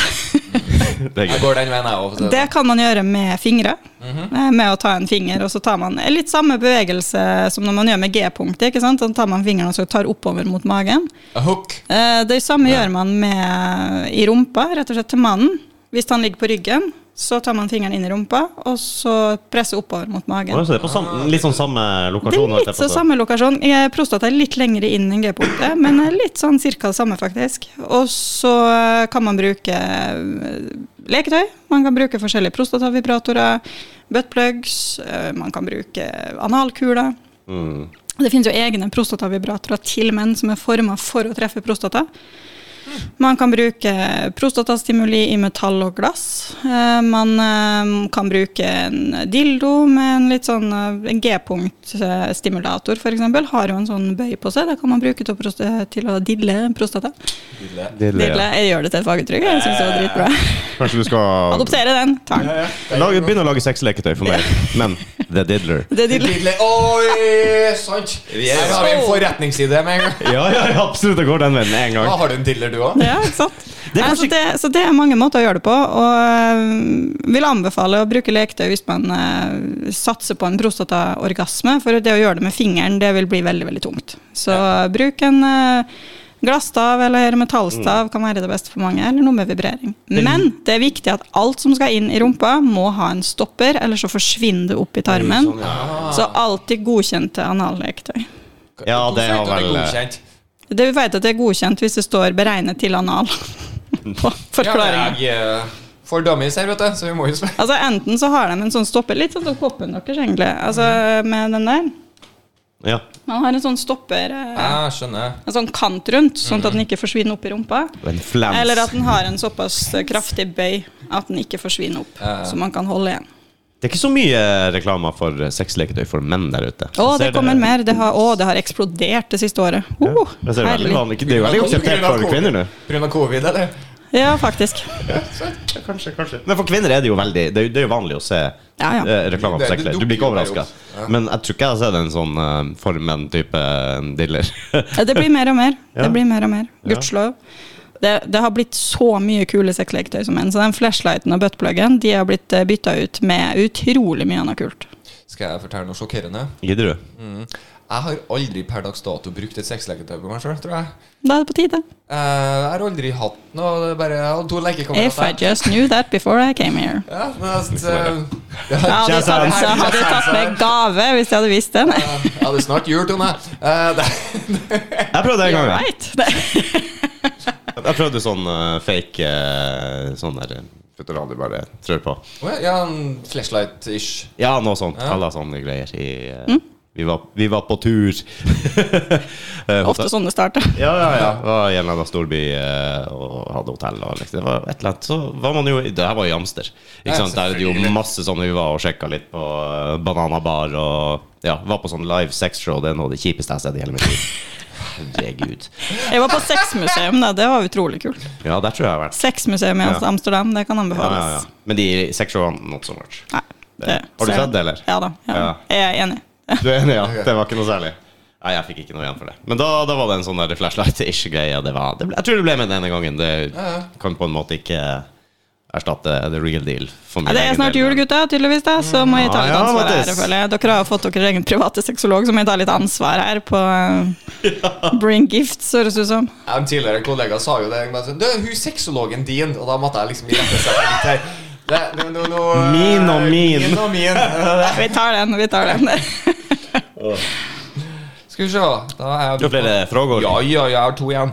Uh, det her syns jeg var litt sånn Vent, fakturerer du oss nå, eller? Nei, nei. Nei, bra. Nei, her, Jeg bare Jeg har fått copy, så jeg er fornøyd. Oi, ja, og forresten, du får uh... eh, får litt stickers òg. Nei, for de stikker så! Uh -huh, da er det bare å kjøre på. Du, det spørsmålet er Er det noe negativt med å bruke Viagra hvis du ikke har et potensial? Ja. sånt? Det, og- Absolutt. 100% Don't do it! Ja. For jeg vil jo tro at det er ganske mange menn som bare er nysgjerrige. Ja, og det og, og Nå skal nå blir, nå blir pekefingeren opp her, ass. ja, men det er bra, for det er viktig, for det visste ikke jeg. Og jeg ser det popper opp, ikke bare Viagra, men alle slags Ja, ja, typer nei, sånne oh. produkter. Og dama mi blir så glad når jeg nei, tar en sånn hele tida. Den pumper ut sånn Men jeg, jeg vil ikke kanskje funke like så bra med placebo? Altså, poenget er at eh, Viagra er jo skapt for eh, erektil dysfunksjon. Altså de som ikke naturlig får ereksjon. En liten, eh, liten eh, binote der. Det er egentlig skapa for å skape eh, øka blodstrømming i leggen og føtter. Altså fant de ut at oi, du får jo ståkuk Nei, samtidig. de, det er faktisk eh, eksperimentert som hjertemedisin først. Ja. Eh, og så fant de ut at det var noen, reak det var noen reaksjoner Ja, ja. der som var Det var noen eldre menn som ville ha mer. Ja, noe sånt. De, hvis dere går på Discovery Pluss, så er det faktisk en, en dokumentarserie der om Viagra på tre episoder. Ah. Så der ser dere hele prosessen. Men eh, kort fortalt, da, det fins flere potensmidler til menn. Samtlige er lagd for de med erektil dysfunksjon. De som har erektil dysfunksjon, det er av medisinske årsaker, f.eks. kreft, eller at man har gjennomgått eh, cellebehandling, eller tar medisiner med diabetes, f.eks. Sånn, som ikke naturlig får uh, ereksjon. F.eks. de som har MS, f.eks. Og hvis man tar Viagra uten at man trenger det, så lærer man opp hjernen, som sender signaler ned til penis om at nå skal blodårene vies ut, og det skal komme blod inn i svampelegemene, og nå skal det bli eh, funny time. Så lærer Viagra hjernen at «Nei, men her trenger vi jo ikke å tenke sjæl. Så da vil du ødelegge disse Hei. naturlige signalene til penis fra Helt motsatt av Trond-Viggo. Yes. ja. Da blir ikke å tenke sjæl, for å si det sånn. Og det du gjør da, det er at du ødelegger din naturlige ereksjon. Så det som kan bli fun and games i fylla og litt sånn morsomt fordi at man er redd for å ikke få ereksjon og alt sånt der, det ødelegger alt for det på sikt. Så gjør det ikke. Eh, I tillegg da, så er det jo en sånn illusjon om at tar man den lille blå pillen, så får man ereksjon i timevis, og man er liksom sikra ereksjon. No! Du er nødt til å være seksuelt tent og få seksuell stimuli for at det skal fungere. Å ja, det Så er du på fylla og tar Viagra, så er det ikke sikkert at hjernen din og kroppen din reagerer på det, fordi at uh, det er jo, alkohol og er jo blodfortynnende, ikke sant? Mm. Så det kan bli motsatt effekt, at du får ikke ereksjon i det hele tatt. Og igjen, da, trene opp hjernen til å ikke sende de riktige signalene. Så nei, Viagra er ikke leketøy. Det har blitt reseptfritt. Det er det største bullshitet som har skjedd til menn på lenge. Mm. Kjempeskadelig. Ikke gjør det. Jeg har møtt folk som går med Viagra på byen, og Ja, men det har jeg også. det er blitt å bare deler dele ut til kompiser. Og her er dritbra. ikke sant? Bare kjør på når du kommer hjem, ta den her. Og det Det har blitt jo kjempevanlig. Det har blitt det nye partydopet da, for å være sikker på at man får ereksjon. Ja, men det er jo, det, er sier, det er jo skummelt, da, for da får du plutselig hjernen opp til trent og tynt nøtt av det her hvis det skal Ja. fungere. Men hvis du, tror at du, hvis du Ja. tror at du trenger det, og du kanskje ikke trenger det, det Snakk med en sexolog, folkens. Ja. Det, that's why we're here. Nemlig. Det skulle fram til, for det kan være ting du kan prate deg gjennom og finne ut av uten at du har et medisinsk behov for Viagra, på en måte. Det, Altså Hvis du har morgenereksjon, naturlig, så har du ikke et ereksjonsproblem. Hvis du ikke får ereksjon under sex, da, så er det psykisk, og det kan du alltid få hjelp hos en sexolog. Ja, hvis, du får til, hvis du får til å runke, men ikke får den opp når du har hatt med dama, så skjønner du at det er mentalt. Nemlig. Men det er da mange tar Viagra, fordi at det mentale sperrer jo for det, og da er det litt sånn, ja, tar vi Viagra, så er vi sikre på å få ereksjon. Jeg tror nok at. Mattis 16 år med fri tilgang ville ha tatt det. Ja, bare rett og slett fordi at jeg er livredd alt det der. Så Ja, nei, jeg tror ikke jeg hadde gjort det, faktisk. Det tror jeg ikke. Jeg har aldri forstått det. Jeg har hatt muligheten til å ta det så mange ganger opp gjennom eh, livet mitt, men uh, behovet har egentlig ikke vært der, og jeg tenker why? Uh, why? men ok, da. Som du sier, folk uh, partyt opp, folk vil eksperimentere litt. Det er litt kult, kanskje. I don't know. Ja, det er veldig dumt.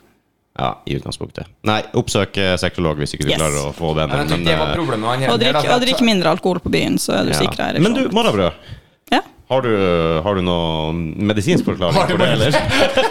altså, jeg har lest det at det er en av årsakene er rett og slett når uh, blæra vår blir full, at ikke vi skal pisse på oss på natta. Så tidlig på morgenen da, så, så får du da ereksjon. Jeg har en annen teori. Og det hjelper deg på rett og slett å ikke slippe ut urinene når du er, sover. Dere har fryktelig dårlig selvkontroll i forhold til kvinner, med andre ord. I utgangspunktet, ja, men jeg leste det helt seriøst. At det var, Ja. Og det var seriøse steder òg, hvor de, de mener at det er en del av greia. Det at du rett og slett blæra di er full på morgenen, du må egentlig pisse, men med ereksjon sørge for at du ikke liker lett Kroppen deres har ingen tillit til dere, deres. Hva hva er din teori, Mattis? ikke min, men det jeg har lest. Så jeg Ja, vil bare påstå at det er Ja, ikke ja. min teori her. Jeg er enig der.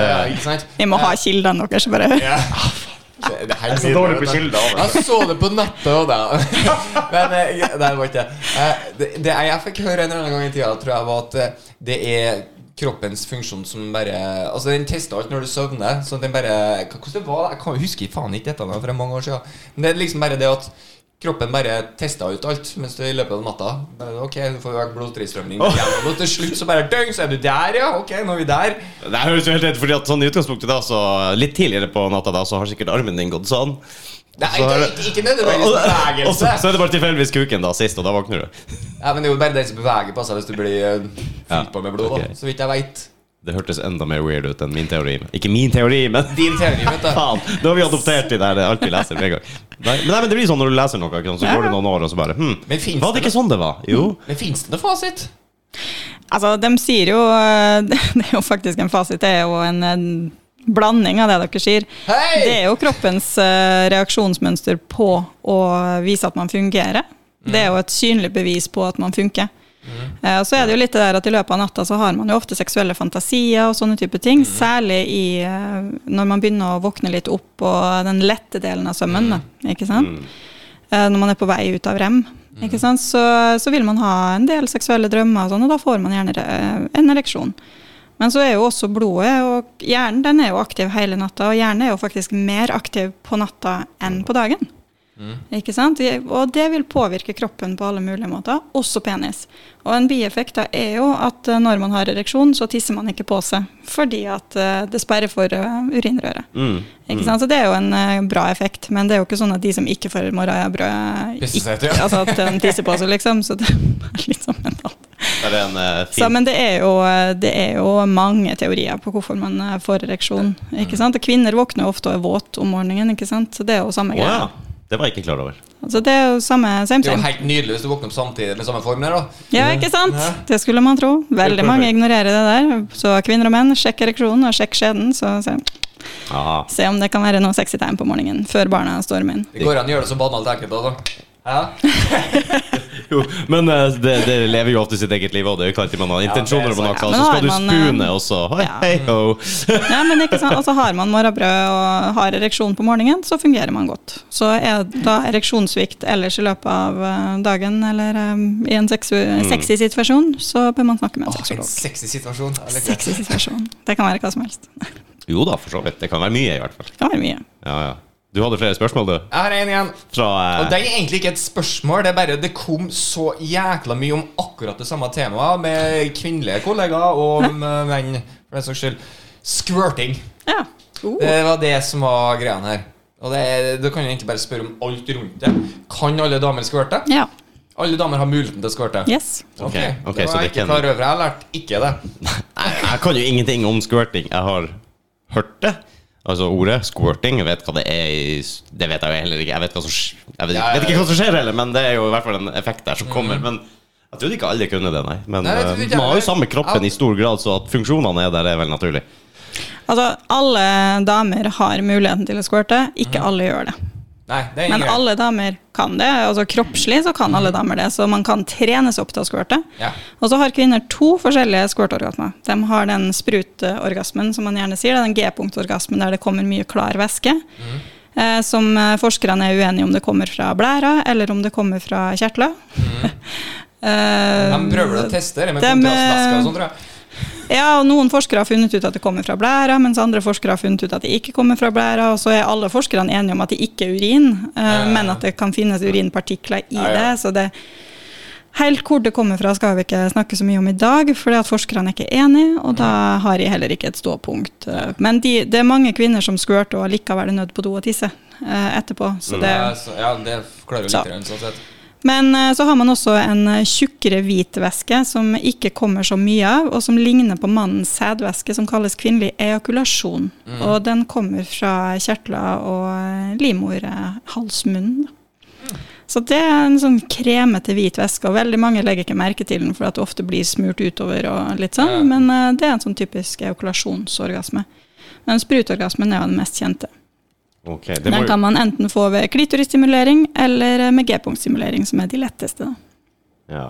Nei, for jeg har lært en gang i tida, for jeg har null kilde her, vet du. For at det, Så bra at dere har mene! Men har du møtt noen som kan, kan det, eller gjør det? nei, det tror ikke jeg. Ikke. Eller som kan det, tydeligvis alle. Uh... Jeg vet ikke om det er noe du kan trene deg opp til å Jo gjøre, og, eller ikke gjøre. Jo, det kan du gjøre. Wow, du kan det altså. Ja, ja. Så det er på en måte valgfritt da, hvis du mestrer det. Når Hvis du mestrer det, så er det valgfritt. Wow. Det er ja, for at jeg har jo Hvis du ikke mestrer det, så altså, hvis du ikke får det til, så kan du trene opp til å få det. Mm. Hvis du squirter ukontrollert, så kan du lære deg til å ikke squirte. mm. For det er ikke sikkert det er bare en fordel. på en Nei, måte. det, Det de som ikke har kontroll på det, de syns det er litt ubehagelig. Jeg kan tenke meg det. Skjønner jeg. Det er jo uh... Da kan man lære seg til å ikke gjøre det. ja. ja, ja, faktisk. Wow, nei, det var jo, Da lærte vi noe nytt, da. Til og Ja, masse. For jeg trodde ikke alle kvinnfolk som hadde muligheten til det. Og så av, altså, av dem som hadde mulighet til det, så var det ikke alle som kunne det. Og, den, det stemmer jo da for så vidt. At det er ikke alle som Vi har jo de samme delene. Ja, så sånn sett så burde jeg jo ja. Altså, alle menn kan jo øh, sprute. Sjøl om de er sterilisert, så kan de jo sprute sædvæske. Det er bare ikke sæd i. ikke Nei, det er vel sant, for du produserer Det er bare sædcellene du ikke Altså Sædcellene produseres jo i testiklene, men eh, sædvæska som Ja. sædcellene trenger for å transporteres trygt til livmora, det er jo sædvæska som blir produsert av prostata og i rundt uh, der. jeg lærte enda mer nytt! Jeg bare gløtta på Mattis, visste du det? Ikke jeg Jeg alt bare produseres på ungen, Altså ferdig med det. Nei, nei, det er kun testiklene som produseres i pungen. Og så litt sædvæske, og så resten av sædvæska produseres av prostata og eh, i kjertlene rundt der. Mm. Nå er det jo sånn at hvis ting fungerer greit, så bryr man seg ikke mye om kortene. Nei, det, det- er liksom det samme som bilen. Funker så funker, ja. Ja. I don't care. Men det er mange menn som tror at vi, når de steriliseres, så har, mister de muligheten til å ejakulere. Det er jo feil. Ah, det blir jo ikke Eh, for det kommer jo fortsatt sædvæske, det er bare ikke sædceller i. For at de kutter jo strengen fra testiklene og opp til eh, Når du er ung nok, før du havner i puberteten og sånn, mm. så eh, får du jo, orga, du får jo orgasme. Mhm. Men som mann så får du ikke væska engang. Nei, får bare orgasmen. Så det kommer den produksjonen òg? den kommer i puberteten. Ok. Så det er derfor veldig mange gutter mellom 10, 11, 12 Når man kommer i puberteten, så begynner man jo å få utløsning om natta, blant annet. Og man kan få utløsning bare så vidt man tar på penis. Riktig. Så det er ikke så mye som skal til, da, så det er veldig ubehagelig. Oh, Og det er en del av produksjonen. Det er noe som skjedde når man var ung, det. Og plutselig bare Ja. våkna, så var voksen fast i Ja, eller våt på magen. Altså, det er sånne her ting Det slutta jo etter noen Altså Ja da, det slutter jo når eh, er hormonene eh, når- roer seg litt. roer seg, og testosteron og østrogen har roa seg i kroppen, og, og ting har balansert seg litt, og man har kommet gjennom den der nå produksjonen der, Mm. Så gir det seg jo. Da får man større kontroll på det. Jeg hadde glemt allerede, men når du sa det, så ja. Ja. Du har ikke tenkt på det de siste 20 årene. Ja, ikke sant? altså, det, ok, greit. Ja, men stemmer jo det, da. Men både menn og kvinner kan få orgasme i søvne hele livet. Ja. Så vi kan få soveorgasme, da. Ja. Og så er det jo, har jeg hørt Har du hatt det? S- Nei, jeg, jo, kanskje. Jeg det. Jeg lurer på om jeg kanskje hadde Jeg hadde våkna på Voi! Jo, det Det, kan ikke, det har ikke skjedd mye ofte, ass. Nei, men det kan hende. Det kan hende. Litt usikker. Men det, det demrer litt grann at man har våkna og følt seg litt sånn OK. What Ja, men du våkner jo under orgasmen. nå. Ja, ja. Da plutselig Wow! Nem, nemlig. Nei, det er, jo, mulig, muligens. Det er sikkert ganske vanlig, egentlig. Vil jeg tro. det, er veldig vanlig. Det er helt vanlig. Også, Noen gjør det oftere enn andre. Ja, selvfølgelig. Noen har mer livligere fantasi enn andre. Det Så, er helt sant. Men hvis jeg bestemmer meg for å ikke ha sex og ikke onanere eller ikke gjøre noe, uh, vil jeg bare våkne opp en morgen da og være At jeg tømmer meg sjøl, da? Det er jo også en sånn ting Mest jeg har hørt. sannsynlig. Altså Kroppen tar jo over til slutt for Ja. veldig mange. Så sånn at du ikke trener veldig aktivt tantra eller et eller annet sånn veldig sånn inn i det der, så vil kroppen ta over til slutt. Ja, og da er det bare å få, få det ut på en måte. Altså, på Altså, det er jo bare- ikke farlig. Nei, nei, nei. Det, er jo, det er jo på ingen måte farlig når menn snakker om blue balls. Og alt sånt. Altså, de får blue balls hvis pungen tar en snurr, f.eks. hvis man jogger og sånn. Når man får en twist på testiklene, da må man til legen. For da kan man få blue eh, balls. Det å få til Martin Oliver. så, så, men det å gå, gå lenge uten sex, det kan føles som et spreng i pungen, men det vil også gi seg hvis man bare ignorerer det og prøver å bare la det gå over. Det fins ikke farlig. Men det kan være ubehagelig hvis man er vant til å få regelmessig utløsning. Så vil det jo bygges opp og spennes litt.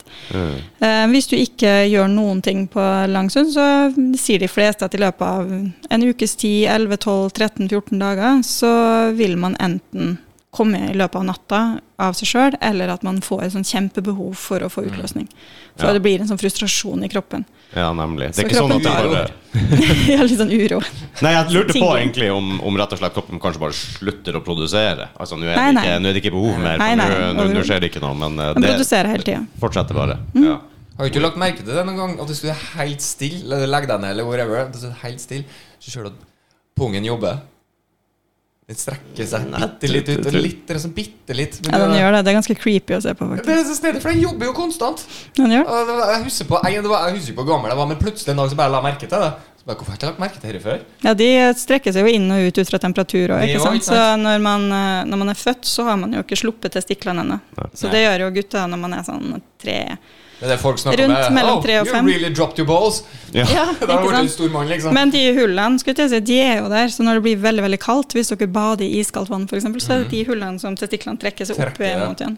kan jo være ekkelt. Ah, Ja, for det er jo en greie. Av og til så er det jo nesten ikke noe der. Ja, Og De trekker seg opp mot kroppen for å For at eh, testiklene, de må, for at sædceller skal kunne overleve, da, så må det være kaldere enn kroppen. Så det må være sånn ca. rundt 35 grader. Hvis det blir for varmt, så dør de. Hvis det blir for kaldt, så dør de. Så det testiklene gjør, da, det er jo fantastisk eh, motorikk her. Vi er fantastiske. Dere er fantastiske gutter, det er det dere er. Så testiklene de trekker seg inn i kroppen, inn i de hulrommene, eh, når det blir for kaldt. Og så slipper de seg enda lenger ned når det, ut fra kroppen når det blir veldig varmt. Så hvis det er veldig varmt på sommeren, og sånn, dere merker at testiklene blir veldig lange og slappe, det er fordi at de trekker seg så langt ned fra kroppen som overhodet mulig. Syden, sydenpung. Sydenpung, rett og slett. Det det det Men jeg hadde jo en Sydenpung og badetiss, det er sånn typisk. Ja, ja, ja. Det er weird, altså, med bading. Det er altså hvor Men mens vi er inne på det med faktisk pungen og sånn For det, jeg husker på at jeg hadde en kompis eh, som jeg når jeg vokste opp Jeg hadde ikke et problem, for at den ene testikkelen droppa ikke. Ja, ikke sant? Det kan Så, skje. så han måtte opereres ut. Jeg skjønte Ja. aldri det der helt før jeg ble voksen. da På en måte At jeg bare sånn Ah, nå skjønner jeg litt problemstillinga, ja. Så det var bare Den, den kom ikke ned. Og Snoop Dogg sin 'Drop It Like It's Hot' fikk en ny Fikk en betydning. helt ny mening. Tror du det han egentlig mener? Kan hende. 100 Drop It Like It's Hot. Ja, ja, altså Der har du sexual eruption etterpå. Oh no. Jeg kom på ett spørsmål til som jeg Ja, å kjør på. sk skrive opp, faktisk. Det var en kvinnelig kollega som lurte på om det Hvis du regelmessig masturberer, eh, er det en Hvordan var det hun formulerte seg? Hun lurte på om det var Hvordan fikk du best orgasme? Tror jeg var egentlig det jeg lurer på. Er det da å bare vente, eller faktisk regelmessig masturbere? Hva er best i så måte? Det, og, det er veldig forskjellig, Det er men eh, ja, det er veldig individuelt. Ja. Det som kan gjøre det lettere ved å vente, da, det er at eh, hvis man onanerer hver dag, da, Mm. og hvis man bruker kraftige vibratorer på kvinner hver dag, så vil nerveendene på klitoris de vil slites ut, eh, sånn at de eh, mister følsomhet. Og da er det superenkelt, for kvinners kroppen også er fantastisk. Så det eneste man trenger å gjøre da, det er å vente et par uker, så har nerveendene fornya seg, Ja, så man good to go. Ikke sant? Så da er det bare å begynne på igjen. Så det beste kvinner kan gjøre, det er å onanere med forskjellig vibratorstyrke og variere mellom leketøy og fingre og tunge, og sånn, hvis de har en partner og er så heldige som har det. Ikke sant? Å bruke forskjellige teknikker, så vil nerveendene ikke venne seg til eh, en spesiell stimuli, og så får man lettere orgasme.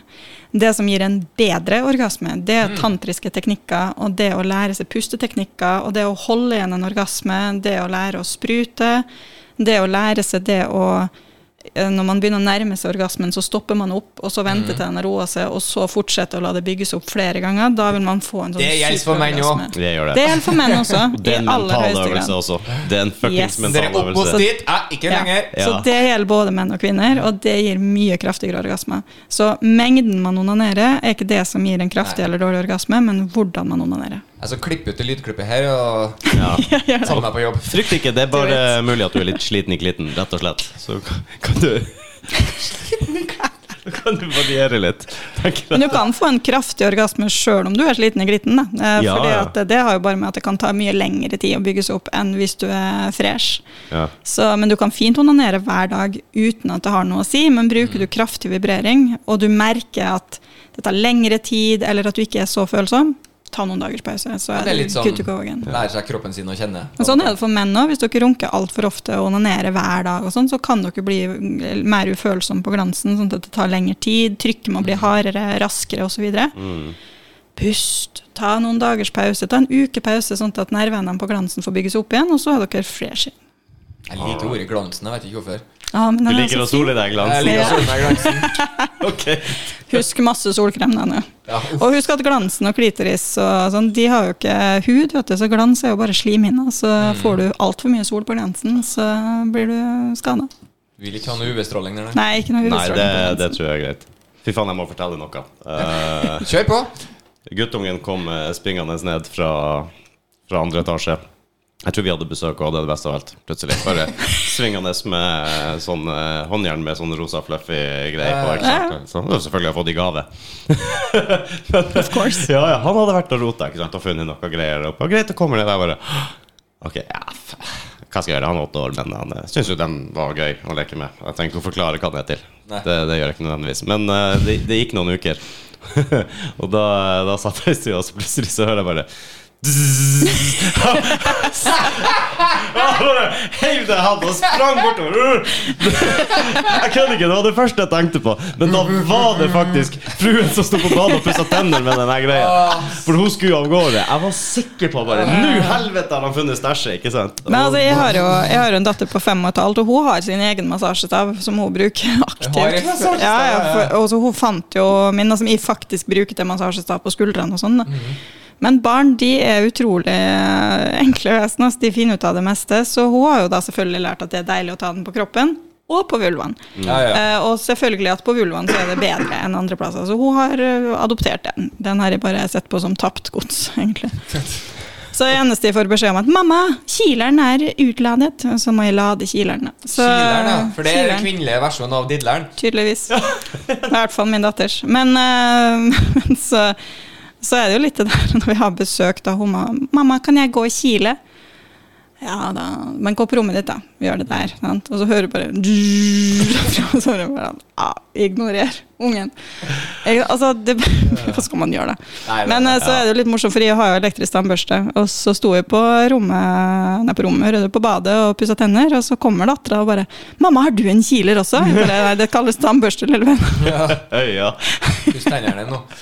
Når jeg, var, når jeg var liten, hadde jeg vært på besøk i Oslo hos fatter'n. Jeg brukte å reise hit ned på sommeren fra jeg var tre-fire-fem år. Det var alltid er nede. Og uh, fatter'n hadde jo fått en sånn uh, artig truse da, av noen. En elefanttruse, på en måte. Ja, skjønner jeg. Altså, med greier. Og, uh, Med snabel du tenker på? Yes. Yes. yes. Og uh, jeg lurer på om det var i bilen på vei hjem, eller en kveld når vi satt hjemme. Da jeg hadde kommet hjem fra ferie, og så hadde det kommet noe i min bag som ikke skulle være der. Så jeg hadde kommet ut fra rommet, et eller annet hadde jeg Den har du i trynet, selvfølgelig. i trynet. Se, mamma har elefantmaske!